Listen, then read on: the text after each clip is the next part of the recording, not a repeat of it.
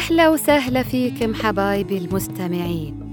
ومعاكم سوسن آل إدريس وبودكاست رحم الله والديك.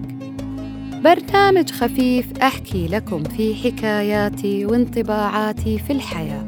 اللي أرجو إنها تعزف على وتر في وجدانك من زمان ما سمعته أو كنت غافل عنه.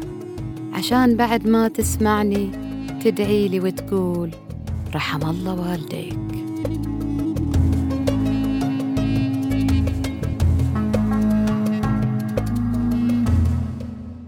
بلاء النبلاء. الكلمة قصة. الكلمة إعجاز. للكلمة طاقة هائلة. لذلك تلاقينا دايما نبحث عن كلمة ضايعة منا. ننتظر نسمعها من أحد. كلمة لما تسمعها تقول لصاحبها رحم الله والديك. وكلمة تظل محفورة في قلبك سنين تتأذى كل ما تسمعها. ظاهرها خير لكن لأنها مو في الموقف الصح واللي قالها ما كان إلك محب وعطوف صارت وبال عليك. خليني أحكي لكم قصة نادية الواقعية. مع زوجها وأهله اللي تقالت فيها بعض من هذه الكلمات اللي مو في وقتها أبد.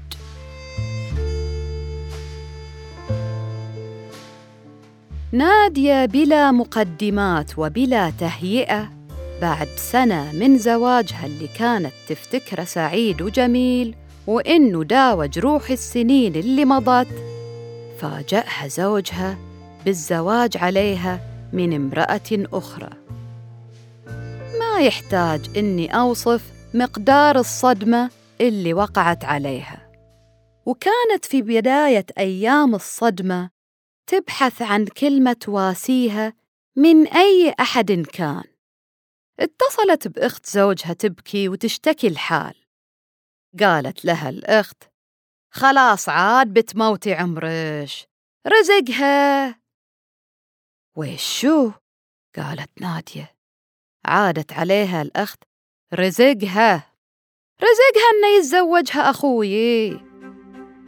كلمة رزق الكلمة الجميلة اللي كلها خير وبركة استخدمت في موضع خلى نادية كل ما تسمع كلمة رزق تتجدد عليها الأحزان.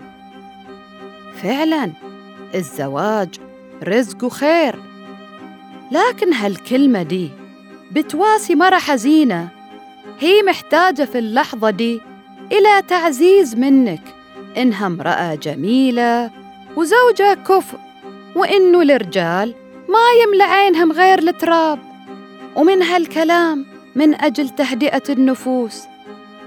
هي ما هي في أحوالها العادية عشان تشرحي ليها نظرية تقسيم الأرزاق. ولو كان كلامك صحيح قال إيش رزقها؟ أستغفر الله العلي العظيم. وفي موقف آخر مع محاولات نادية لتقبل الوضع. نادية تحس بالخنقة والغصة. كل ما تتذكر الوضع إن زوجها تزوج ولام الله من لامها. طبعا مو تقولوا مفروض تتطلق المرة متدينة وعاقلة. وتحاول إن مو عواطفها إلا تمشي حياة أسرة كاملة. المهم إنها قالت لزوجها إنها محتاجة تروح لطبيب نفسي. لعل وعسى يخف وطئ الموضوع عليها. الإنسان الإيجابي دايما يحاول يشوف إلى طريق يحاول يصلح به أموره. بس للأسف زوجها ما استحسن الفكرة. واستغل الجانب المتدين منها وقال ليها هذه الدنيا أعدت لبلاء النبلاء. ما شاء الله عليك يا الحسيني يا المثقف. خلاص داويت الجروح انت الحين وخففت الآلام. وديها لطبيب نفسي ما دام انت أساس البلل اللي فيها. دي اللي يقولوا عليها كلمة حق يراد بها باطل. ونضل مع نادية والمواقف العجيبة اللي تحصل ليها اللي تخلي عينها تضل مبققة ويخلص منها كل الكلام من العجب العجاب اللي يحصل ليها من هالمنفصم. ما شافته إلا مرة داخل عليها وهو مرة متأثر وحزين. قالت له ويش فيك؟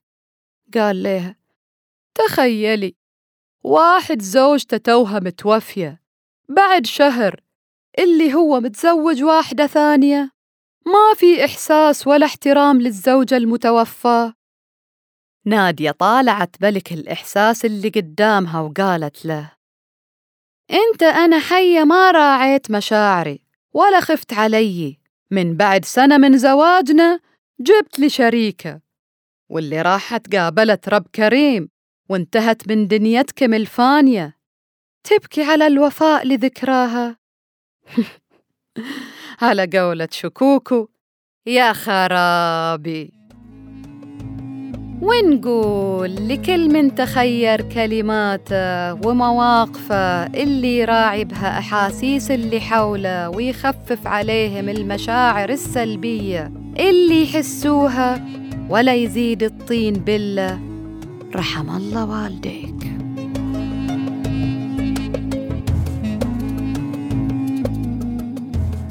كنت معاك أنا سوسن آل إدريس. لا تنسى تشارك الحلقة مع اللي حواليك وتتابعني على حساباتي في ال social media واللي حطيتها لك في وصف الحلقة.